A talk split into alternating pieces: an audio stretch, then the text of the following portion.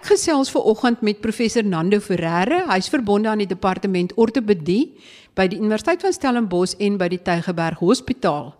En hy en sy span was die eerste in Afrika en in Suid-Afrika om 'n kunsledemaat direk in die been van 'n pasiënt in te plant.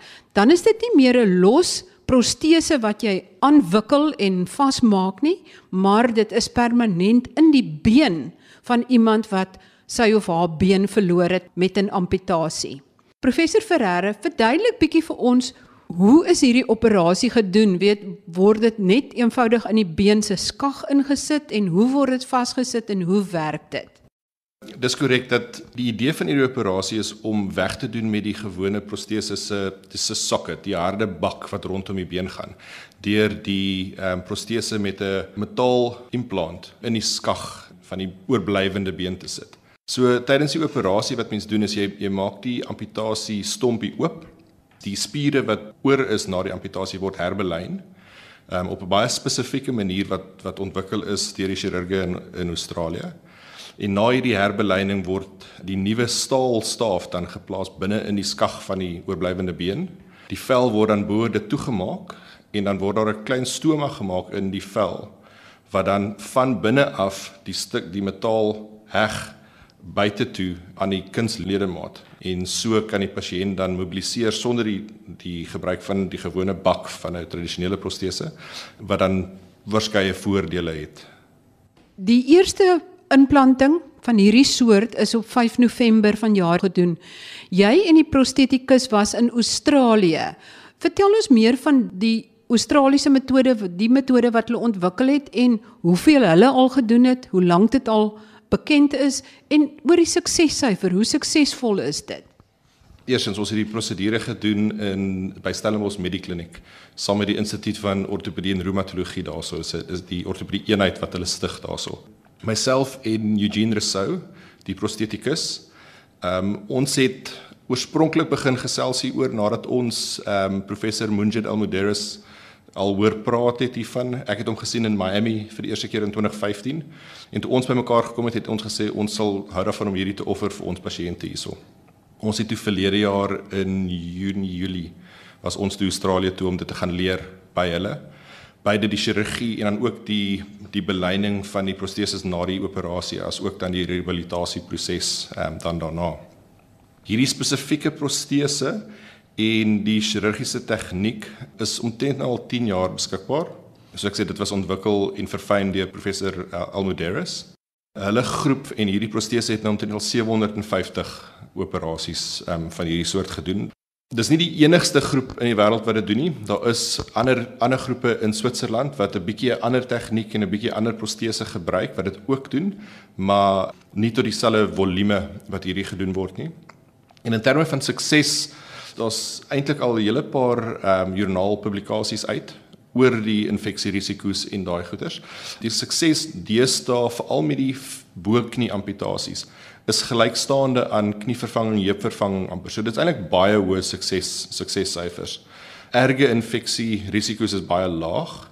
En dan die ander probleem met hierdie goeters is ook dat frakture van die oorblywende been omdat dit nou al swak is, omdat dit vir jare lank nie nie gebruik is nie, mag daar frakture gebeur. So dit is die twee groot probleme daarmee, frakture en in, infeksie. Maar in die 750 wat gedoen is, is dit minder as 20 gevalle wat erge komplikasies gehad het. So dis eintlik baie goeie suksessyfers. Wat vir my baie interessant was van die ekstraal fotos van die pasiënt op wie hulle opereer, dis 'n 28-jarige pasiënt, is die belyning van die heupgewrig. Dit was my interessant om te sien terwyl sy nog die socket gedra het wat jy die protese insit jou bobeen in die skut van die protese insit. Het dit vir my gelyk die heupgewrig tilt so half op en die femur wys na na die buitekant toe. Verduidelik bietjie hoekom dit gebeur. Net gou-gou um, een stapie weer terug is die rede vir die goeie suksessyfers wat tot dusver met hierdie gedoen is is omdat die pasiënt seleksie verskriklik streng is. So dit is nie enige pasiënt wat vir die operasie kry nie. Byvoorbeeld pasiënte wat rook en diabetes en perifere vaskulêre siektes word nie hierdie prosedure geoffer nie. So as as gevolg van die baie streng pasiënt keuse, dit is hoe die sukses sukses syfers so hoog gehou kan word.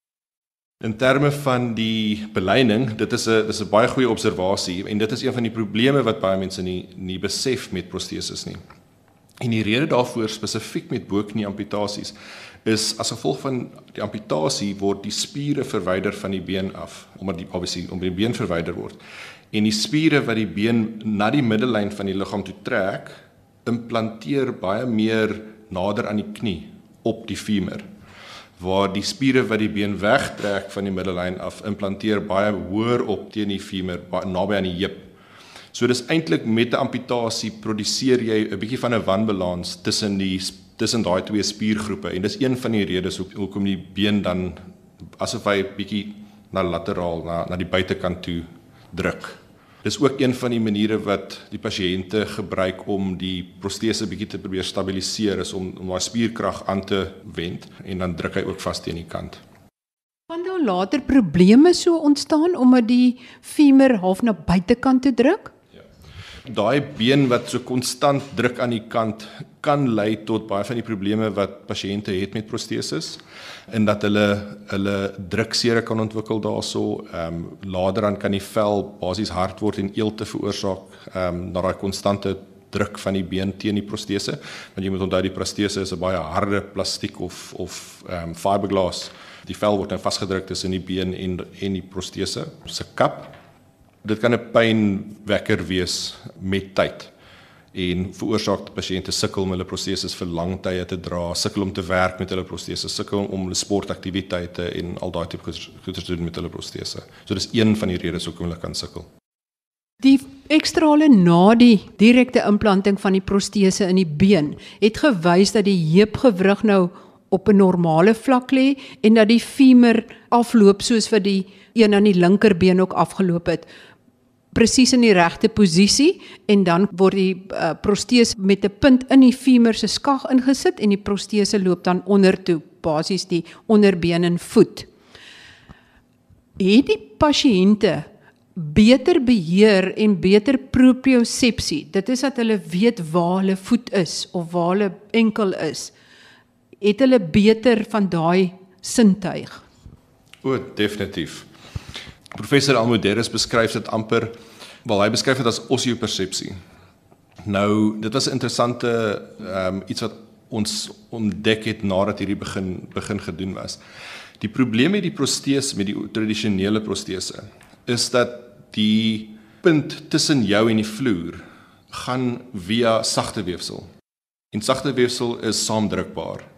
So sodra jy begin trap daarop, beweeg die sagte weefsel binne in die socket en dis asof jy nie heeltemal stabiel is op jou protese nie. Daarom sukkel pasiënte byvoorbeeld om te loop as dit baie donker is en moet hulle kyk na hulle voete sodat hulle kan sien wanneer die voet geplant word. Kan ook byvoorbeeld nie voel as die protese geroteer is en die voet geroteer is nie. So hulle weet dit obviously nie. So hulle moet kyk nou hoe die voet geplant word om meer standvastig te wees op die grond. Nou die oomblik sodra jy jou kunsbeen aan die been vasmaak, kry jy daai osiopersepsie terug. Dit is baie interessant dat van die pasiënte wat dit ehm um, al ondergegaan het, verduidelik dat hulle kan verskil voel tussen op teels loop of op gras loop of op of op 'n mat loop. So hulle kan onmiddellik voel waar hulle voet is en hulle kan onmiddellik voel die grond en wanneer hulle kontak maak met die grond. En dit beteken hulle is baie meer selfversekerd as hulle loop en hulle loop baie makliker in lae ligkondisies en waar hulle nie hoef af te kyk en hulle voete voete te bekyk nie.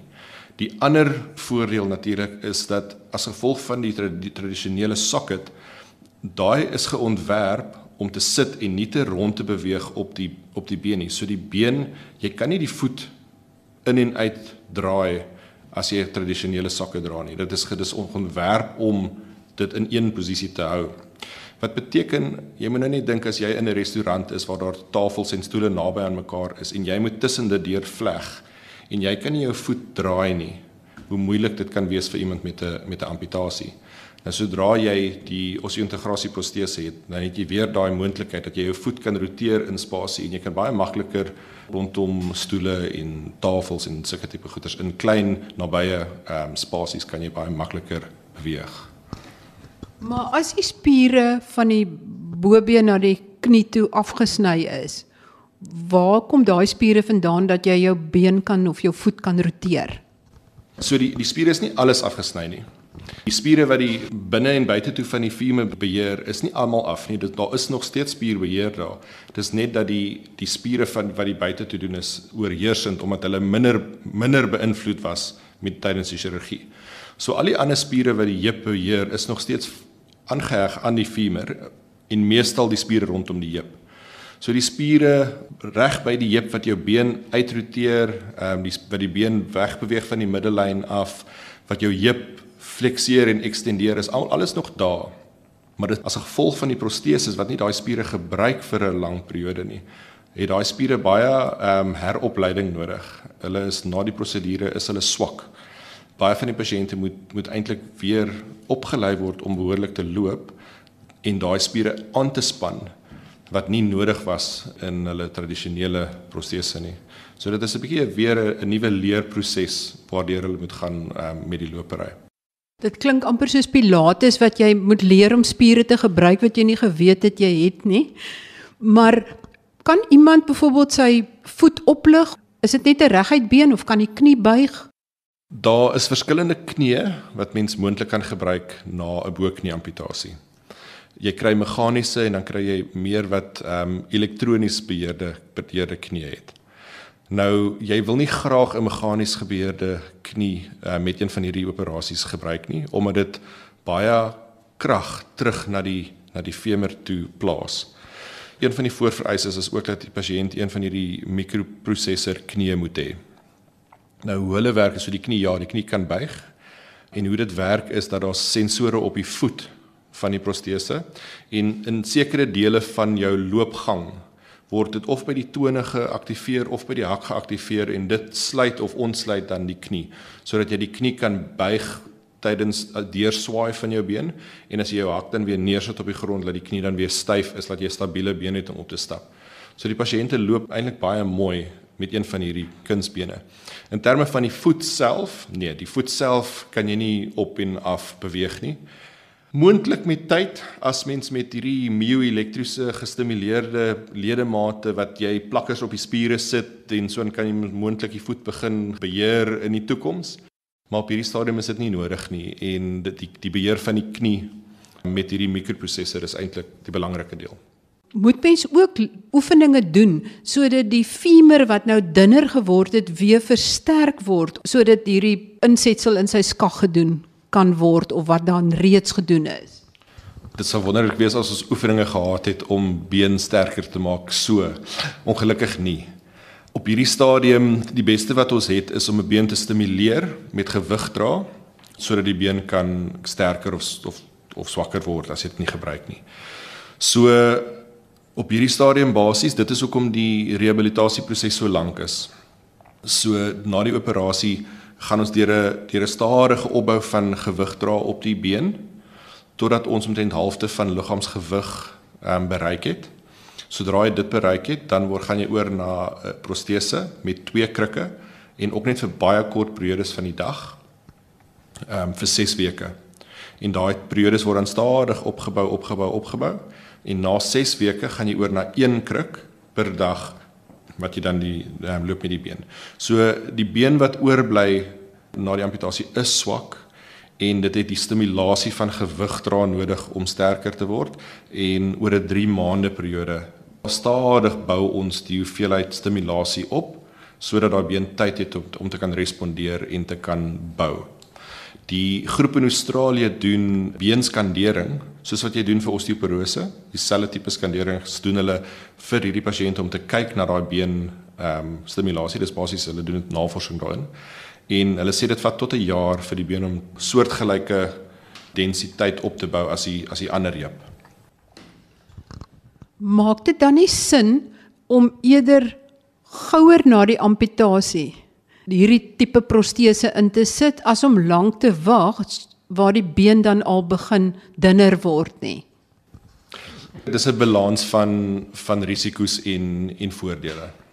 As mens spesifiek net kyk na die been, ja, sou dit miskien moontlik gewees het hoe vroeër hoe beter voordat die been te veel verswak het, alhoewel daar chirurgie nou al 20 jaar later gedoen is. Die ander sy van hierdie is dat hierdie prosedure kom met komplikasies. Daar is risiko van infeksies rondom die rondom die operasie. Daar is risiko's van die been wat breek, ehm um, rondom die die protese wat geïmplanteer is. En party pasiënte het nie die chirurgie nodig nie. Party pasiënte vaar baie goed met tradisionele ehm um, proteses en tradisionele sockets uh met hulle proteses. So op hierdie stadium sou mens eers pasiënte probeer op die tradisionele konvensionele sockets en dan kyk hoe hulle doen en net die prosedure reg offer vir mense wat nie hulle werk beroep en aktiwiteite van van daaglikse lewe kan uitvoer met die protese nie. So So jy wil jy wil die pasiënte regtig fyn kies en nie net vir almal na operasie um, hierdie tipe ding doen nie. Sê man, dis is nou 'n jaar is verby. Hy's nou vertroud met sy protese, die bene is weer mooi sterk. Kan hy aan oefening of uh, sport deelneem met die protese? Hulle wil nie regtig impaksporte voorstel vir vir pasiënte nie. Weereens as gevolg van as jy die femur breek, is die chirurgie is meer kompleks om dit om dit te herstel en daar's ver, verhoogde risiko's. So mense wil daai tipe goeders probeer vermy. So impak sport en so aan sal jy sal jy eerder vermy. Maar goed soos fietsry en daai tipe sporte definitief baie van die pasiënte keer terug na oefeninge in terme van jy weet stap in gym en daai tipe goeders. Ehm um, so kan weer 'n aktiewe lewenstyl hê.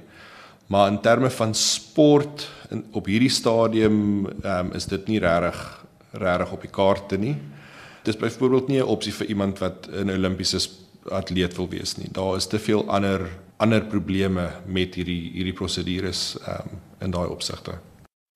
So swem en fietsry of roei, maar nie atletiek nie en nie rugby en sulke goed nie. Korrek.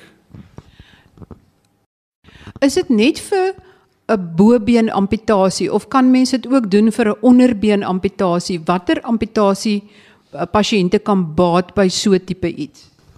By verre die meeste pasiënte is boeknie amputasies omdat 'n boeknie amputasie se oorspronklike tradisionele um, protese so so ongemaklike ding is om mee om mee te lewe. 'n Onderknie amputasie doen baie beter met 'n protese. Dit is baie gemakliker en hulle hulle loop baie beter omdat jy nog steeds jou eie knie kniebeweging het. So dis hoekom vir die boeknies dit meer algemeen gedoen word want hulle sien die die meeste baat. Dit gesê, doen die Australiese groep al hoe meer onderknie amputasie pasiënte ook en alhoewel hulle deur 'n bietjie van 'n leerfase gaan het met die onderknie, het hulle nou 'n stadium bereik wat die onderknie amputasie ook baie goed doen. Ek moet sê die onderknie proteses het 'n baie hoër komplikasie syfer as die as die boknie die tibia net omdat die vel rondom hom nie baie goed is nie en verder obviously verder weg van die hart af en, en meer probleme het met genesing. So hulle het 'n bietjie hoër komplikasiesyfer. Maar ek het baie pasiënte gesien in Australië wat onderknie amputasies gehad het en proteses gehad het en hulle is baie gelukkig. Pasiënte met soos beide bene onderknie amputasies is baie gelukkig met met proteses. En dan aan die ander kant is daar ook al 'n paar pasiënte wat vir arm of boonste ledemaat amputasies gehad het. So 'n pasiënt met 'n met 'n humerus amputasie, boarm amputasie, ehm um, dit ingehaat het en selfs pasiënte met met voorarm amputasies wat hulle osseointegrasie gehad het. Die voordeel daarvan is dat dit maak dit moontlik met hierdie mioelektriese gestimuleerde hande waar jy met spierkontraksies die hand kan beheer Die probleem met daai proteses is altyd dat die fiksasie van die protese aan die ledemaat is 'n probleem want jy kan nie iets swaar optel nie want die socket val dan af van die arm af. Maar sodra jy nou dit met osseointegrasie vasplant aan die been, aan die humerus been, nou ewe skielik het jy 'n meer stabiele plek vir daai uh, mioelektriese hand om vanaf te werk. So dit is dit is baie opwindende rigting waarin hierdie kan gaan. Jy praat nou van 'n spesifieke protese hoe dit ingeplant word of ek wil eintlik uitkom by presies hoe groei dit vas aan die been of hoe groei die been daarin vas? Is dit 'n spesiale soort uh stof wat jy gebruik om dit aan te moedig dat daar goeie binding is tussen die been en die protese? Wel, die materiaal wat gebruik word is nie merkwaardig anderster as met tradisionele heupvervangings en knievervangings nie. Soos 'n heupvervanging aan die femurkant, die deel wat in die skag in van die femur is baie soortgelyk aan wat ons in implanteer hierso of aan die acetabulum kant van die van 'n heupvervanging. Dis nie soveel die materiaal wat gebruik word nie alhoewel dit 'n rol speel, maar dit is meer die bedekking of die oppervlaklaag van die metaal en hoe dit saamgestel is. Dit is 'n baie spesifieke op 'n mikro um, nanometer vlak wat hierdie materiaal ehm um, gate en spasies het. En oorspronklik word dit vasgesit net met wrywing, so met die oorspronklike implantasie daarvan, maar met tyd, soos die been dan hermoduleer rondom hierdie, groei die been letterlik binne in daai spasies en en krakies en gapentjies op die oppervlakte van die protese en die protese word basies een met die been. En dit is waar die term osseointegrasie vandaan kom. So die daai protese groei letterlik of die been groei letterlik binne in die protese in. So dit raak een eenheid. Dan met julle seleksie van pasiënte beskryf vir my 'n ideale pasiënt vir hierdie tipe proteses. Jy wil dit offer vir iemand wat aktief is, of wil aktief wees en sukkel met 'n huidige tradisionele protese. So iemand wat al deur die hele proses gegaan het met proteses en hulle is nog steeds aktief maar hulle hulle regtig hulle die protese hou hulle terug. Ehm um, hulle hulle kan meer doen, maar die fisiese protese is die ding wat hulle terughou. En verder moet dit 'n gesonde pasiënt wees. Hoef nie daar's nie daar's nie 'n ouderdoms afsnypunt nie. Jy wil dit doen in iemand wat hulle skeletaal gegroei, hulle hulle is volgroei. So jy wil nie regtig in kinders doen nie omdat die bene nog groei. So uh, volwassenes daar's nie regtig 'n boonste afsnypunt vir ouderdom nie. Jy kan dit eintlik doen in enige iemand. Maar die ander ding is hulle moet gesond wees. Hulle moet nie ander ehm um, komorbiditeite hê nie. Veral die twee belangrikes is rook perifere vaskulêre siekte en diabetes, veral tipe 1 diabetes. So daai het 'n verhoogde risiko van dat hy nie vasgroei behoorlik nie of dat daar 'n verhoogde risiko is van infeksie. En dan pasiënte wat voorheen infeksie gehad het, amputasies gehad het, wat infeksieprobleme gehad en so aan sal mens ook voor versigtig wees. Die ander ding is dan ook dat wanneer die pasiënt ondersoek moet daar voldoende hoeveelheid been oorwees in die stompie sodat jy 'n protese kan implanteer en daar moet genoeg spierbeheer wees van die stomp. So as daar geen spierbeheer is nie, dan dan gaan hierdie ook nie werk nie. So dit is die ideale pasiënt. Daar is natuurlik uitsonderings en daar's goed wat mens kan doen om goed te verander, maar dit sal die ideale ideale pasiënt wees. En die meeste pasiënte wat dan oorweeg sal word, hoekom het hulle hulle been verloor? Was dit 'n ongeluk geweest? meeste van die van pasiënte is posttraumaties, amputasies, so ongelukke. Maar dan hier en daar is daar ook pasiënte wat uh, amputasies gehad, gehad het as gevolg van beentumore. So is 'n beentumor gehad wat amputasie gehad het 'n paar jaar terug. Nou is jy vry, jy's in remissie. So dis die twee groot groepe pasiënte wat amputasies gehad het as gevolg van vaskulêre probleme so ehm um, suikersiekte of aterosklerose en vaskulêre siekte, hulle uitermaat sal nie kwalifiseer vir hierdie tipe operasie want weefselgenesing is die groot rede hoekom hulle oorspronklik amputasie gehad het. Professor Ferreira, koste gewys, hoe vergelyk dit met ander tipe ortopediese operasies? Omdat hierdie nog so nuut is, en daar nie baie verskillende maatskappye is wat wat die proteses produseer nie. Dit is nog nog baie duur. Maar as mens kyk na wat se kostes betrokke is by 'n amputasie in elk geval, is iemand wat amputasie gehad het, is is baie duur al klaar. Die protese self um, op hierdie stadium um, en die prosedure alles in een. So dis nou die chirurgie en en alles. Kyk ons na omtrent 500 000 rand en ons het 'n bietjie 'n koste analise gedoen en as jy kyk na tradisionele sockets met die silikon liners wat mens gebruik saam daarmee en mens moet dit vervang 'n paar keer 'n jaar. Ehm um, en as hulle skeur moet jy dit vervang.